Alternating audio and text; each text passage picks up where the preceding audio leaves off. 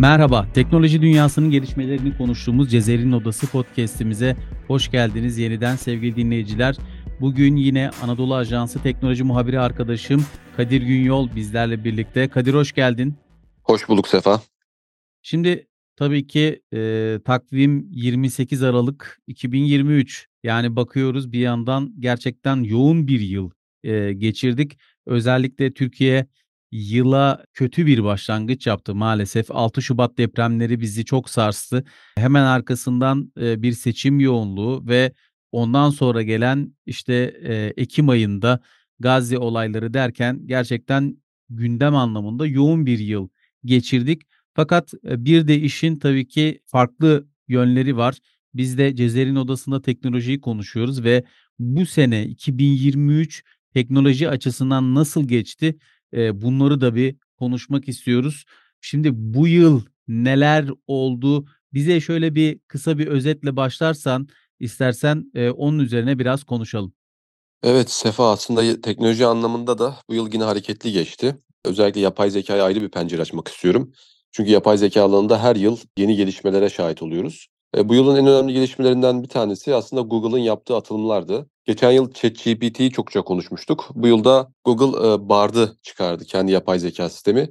Aynı ChatGPT gibi bir dil işleme sistemi, bir, eee, yapay zeka sohbet robotuydu. Ancak Google bununla da yetinmedi. 2023'ün sonlarına doğru Gemini isimli bir yapay zekasını tanıttı. Bu Gemini'nin diğerlerinden bir farkı vardı. O da özellikle sessel ve görsel anlamda da görüntüleri tanıma, onları yorumlama özelliği vardı. Çok devrimci bir yapay zeka olarak görünüyor. Şu anda, eee, çok kullanıma açık değil ama açıldığında eğer tanıtımlardaki görseller gerçeğe taşınırsa çok devrimci bir yapay zeka gibi duruyor. Onun dışında benim ilgimi çeken birkaç, eee, nokta da oldu. Yani olumsuz anlamda da, eee, pek çok nokta oldu. Biliyorsunuz bu yıl ABD eski başkanı Donald Trump yargılandı. Mahkemeye gitti geldi. Bu süreçte bazı görseller gördük özellikle yabancı basında ve internette de gördük. İşte Donald Trump'ın polis tarafından yerde sürüklendiği gibi bazı görseller gördük. Bunlar çok gerçekçi görsellerdi ama aslında çok da gerçeği yansıtmıyordu. Çünkü yapay zeka programları tarafından üretilip internete konulmuştu. Tabii bu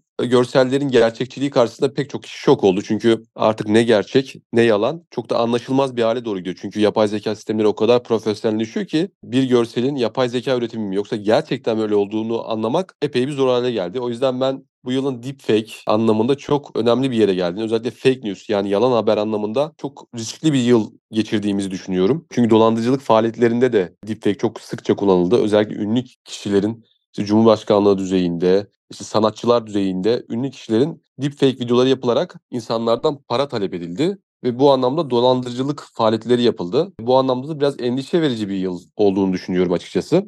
Bunun haricinde de eee, Twitter'ın eee, Grok isimli bir yapay zekası gündeme geldi. Eee, Elon Musk bu yapay zeka üzerine çalışıyor. Twitter verilerinden beslenen bir yapay zekamız daha olacak. Bu da çok önemli bir gelişme.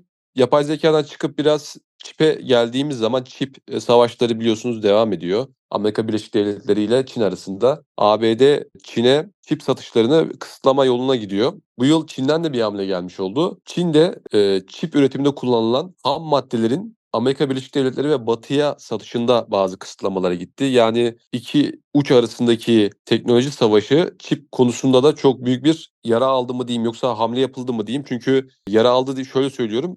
Çip satışlarının sekteye uğraması da söz konusu olacak. Yani dünya anlamında, dünyadaki teknolojiler anlamında bir anlamda biz sorun yaşayabiliriz.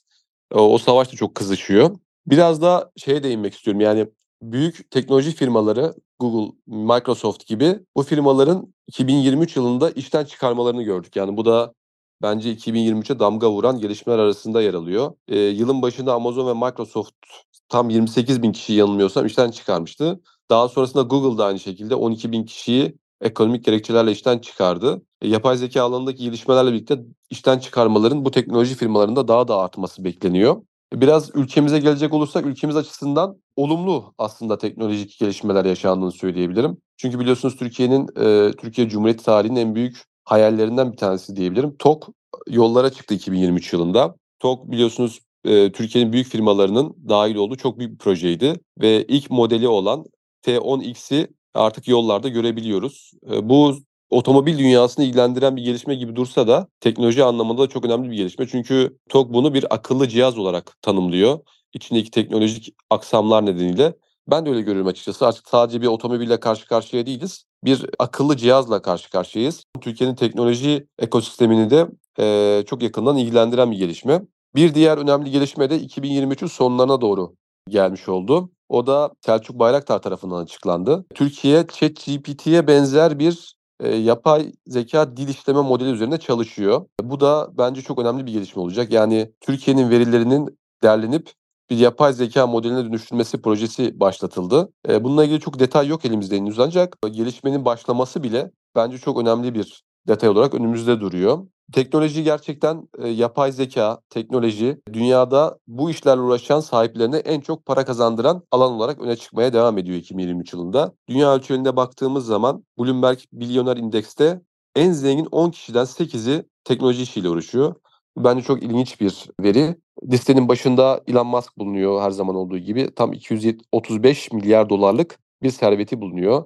Listede Bill Gates, e, Mark Zuckerberg gibi yine teknolojiyle uğraşan pek çok ismi de görebiliyoruz. Son olarak 2023'e bir ekleme yapmak istiyoruz. O da Anadolu Ajansı'nı ilgilendiren bir ekleme olacak. Yine teknoloji muhabiri arkadaşım Tolga Yanık'la beraber bu yıl ilk defa 100 yıl aşkın kurumumuzda yapay zekayla bir haber yazdık. Yani bu kurumumuzun ilk yapay zeka haberi oldu. Türkiye'nin en önemli medya kurumunun ilk yapay zeka haberini yazması da bence Türkiye açısından söyleyebilirim. 2023'ün en önemli haberlerinden bir tanesi oldu. Haberin başlığı TOG ön siparişleri alınmaya başlandı şeklinde geçildi. Biz e, TOG'la ilgili bazı veriler verdik ve Anadolu Ajansı'nın haber yazma stilini öğretmeye çalıştık ChatGPT'ye. ChatGPT de bu verilerden yararlanarak bize Anadolu Ajansı'nın tarzına benzer bir haber yazdı. Biz de bu haberi abonelerimize servis etmiş olduk. Dolayısıyla ilk yapay zeka haberimiz de bu yıl geçmiş oldu. Evet, yani herhalde 2023 yılı teknoloji olayları bundan daha güzel ve, eee, akılda kalıcı şekilde toparlanamazdı. Ağzına sağlık Kadir. Teşekkür Yani ederim. şunu söyleyebilirim, ben bir kullanıcı olarak yapay zeka 2023'te çok ciddi anlamda gelişmesini gördük ama tabii ki 2024 ve 2025 belki de bizim hayatımıza entegre olacağı dönem. Şimdi 2 tane ana unsur. Birincisi akıllı cihazlar, ikincisi yapay zeka. Yapay zeka ne kadar gelişecekse, gelişirse daha doğrusu akıllı cihazlar da bir o kadar kendilerini geliştirecekler. Yani çok güzel teknolojik anlamda, daha doğrusu gelişme anlamında çok verimli bir yıl oldu dünya açısından. Bir o kadar da, hani, baktığımızda teknoloji sektöründe de rekabetin çok üst düzeye çıktığını görüyoruz. Sen, işte, işten çıkartmalardan bahsettin büyük teknoloji firmalarında. Bunların çoğu da yine yapay zeka sistemlerinin belki de önümüzdeki yıllarda çok ciddi bir boşluğu dolduracağını, daha doğrusu boşluğu demeyeyim de, hani, bu yer alma kısmında, eee, çalışanların yapmış olduğu iş yükünü aldığı yerlerde tabii ki, eee, gelecek senelere, eee, yönelik bunlarda, eee, teknoloji firmaları bunların hesaplarını, kitaplarını yapıp hangisi daha az maliyetli, hangisi daha az uğraştırıcıysa onlar için ona göre bir plan ve proje çıkartıyorlar. 2023 yılı bana göre teknoloji açısından baktığımda, eee, yapay zeka yılı oldu. Çünkü Evet. ChatGPT'nin, yani, piyasaya çıkışından sonra tam olarak tarihini hatırlamıyorum. 2022 sonu muydu veya 2021 yani ama çok ciddi anlamda kullanılması, keşfedilmesi bu sadece ChatGPT ile alakalı bir mesele de değil zaten yapay zekânın kullanılması. Birçok görselleştirme aracı da yapay zekâyla görselleştirme, eee, programlarını, onların kabiliyetlerini duyurdular. Bu da çok önemliydi. Gerçekten sektörde büyük bir değişimi, eee, getirecek. Özellikle bununla alakalı şimdi baktığımızda binlerce, on binlerce grafiker belki de, hani, artık, eee, onlardan bir deadline istemeden saniyeler içerisinde işinizi halledebiliyorsunuz. Çok daha kolay bir şekilde kafanızdaki şeyi anlattığınızda size farklı seçenekleriyle beraber, işte, saniyeler içerisinde gönderiyor, bunların geri dönüşlerini yapıyor. Bu da inanılmaz bir, eee, iş yükünü ortadan kaldırıyor. Tabii ki bu meslekle uğraşan, bu işlerle uğraşan video grafik, motion grafik, infografik veya, işte, görselleştirmenin her türlüsüyle uğraşan insanlar için bir anlamda da bir tehdit oluşturuyor. İş gücü açısından ama yapay zekâ, eee, bu sadece yani şarkılarda, seslerde, her yerde belki de teknolojinin girebileceği, üretebileceği her yerde yapay zekâ sistemleri artık 1 günde, 2 günde yapılacak işleri saniyeler içerisinde özetleyip yapabilecek kıvama geldi. Buna, işte, senin de verdiğin örnekteki gibi haber yazdırmak da dâhil. Rutin haberlerde, işte, bir rutin haber örneği yaptınız. Belki bu 2024'te, 2025'te önümüzdeki birkaç yıl içerisinde rutin haberlerde çok normal bir şekilde, hızlı bir şekilde kullanılır hâle gelecek. Bu da tabii ki burada bir dönüşüm olduğunu bize anlatıyor ve yine Selçuk Bayraktar'ın açıkladığı Türkiye'nin yapay zekâsı da bana göre, eee, çok önemli bir proje. Çünkü yapay zekâ konusunda bizim kesinlikle ve kesinlikle günceli yakalamamız lazım. Bunu seninle her zaman konuşuyoruz. Türkiye teknoloji açısından, teknolojinin kullanımı açısından çok hızlı bir şekilde ilerleyen, teknolojinin kullanımı açısından çok hızlı bir şekilde adapte olan bir ülke ve bir de bunun yanına tabii ki de, eee, teknolojiyi üreten ülke ismini de tabii ki eklemek istiyoruz. Ben böyle yorumluyorum. Yapay zekâ ve akıllı cihazlar dönemiydi ki 2024 belki de buna damga vuracak. Sen neler söylemek istersin? Özellikle TOG'dan da bahsettin, bir akıllı cihaz dedin. Gerçekten arabalar, cep telefonları, bilgisayarlar hepsi bir akıllı cihaz artık. Hiçbirinin kendi yani hepsi birbirinin yapabildiği şeyleri yapmaya başlayınca artık akıllı cihaz deyip geçeceğiz belki de. Kesinlikle, yani 2023 tabii de öncesi de var. 2023 biraz daha yoğunlaştığı bir yıl oldu. Aradaki rekabet çok hızlandı az önce bahsettiğiniz senin bahsettiğin gibi. Yani bundan sonrası için tabii geleceği öngörmek çok zor değil. Sürpriz gelişmeler olabilir ama eğer bu gidişat böyle devam ederse bu yapay zekâ şirketleri arasındaki rekabet hızlanacaktır. Bunun haricinde, işte, Türkiye burada bir hamle yapmaya çalışıyor. Avrupa Birliği kendi hamlelerini yapmaya çalışıyor. Çünkü burada baktığımız zaman daha çok Amerika merkezli bazı hamleler görüyoruz. Yani çok fazla yapay zekâ şirketi saydık ama hepsi Amerika merkezliydi. Çin tarafında hareketlilik var. E, burada ben biraz da şey bekliyorum artık, yani Avrupa Birliği'nden ve başka ülkelerden de ciddi hamleler bekliyorum. Çünkü bu tekelleşme olayı yapay zekâda büyük sıkıntılara sebep olabilir. Ben biraz bu anlamda hamleler bekliyorum. Bir de şu hamleleri de artık bekliyorum. Avrupa Birliği'nde bu çok konuşuldu. İngiltere'de bu yıl bir yapay zekâ zirvesi vardı, orada da konuşuldu. Şimdi hukuki düzenlemeler bu işlere yetişemiyor. Artık devletler biraz daha hukuki anlamda bu işleri hızlandırmaya çalışıyor. Yani yapay zekâ firmaları ve yapay zekâ ürünleri sürekli hayatımıza giriyor ama bununla ilgili hukuki düzenlemeler çok geç kalmış oluyor. Dolayısıyla biraz ülkelerden bu anlamda bir hız bekliyorum. Yani hukuki düzenlemelerin teknolojinin hızını yakalaması gerekiyor artık ve arada kalmış ülkelerin de kendi yapay zekâlarıyla ilgili yatırımlar yapılması bekleniyor. Dolayısıyla ben gelecek vizyonuyla konuşmam gerekirse Amerika zaten aldı götürdü.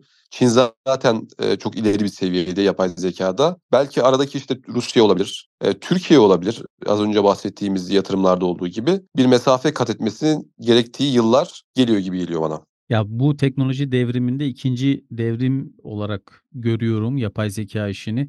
1'incisi teknoloji ne zaman, yani bilgisayar ne zaman bilgisayar oldu? Tabii ki de internetin gelişinden sonra bilgisayar oldu ve internetten sonra da internet kadar etkisi büyük ve geniş bu etkiyi Evet. oluşturabilecek 2'nci devrim de bana göre yapay zekâ devrimi ve, eee, Kesinlikle.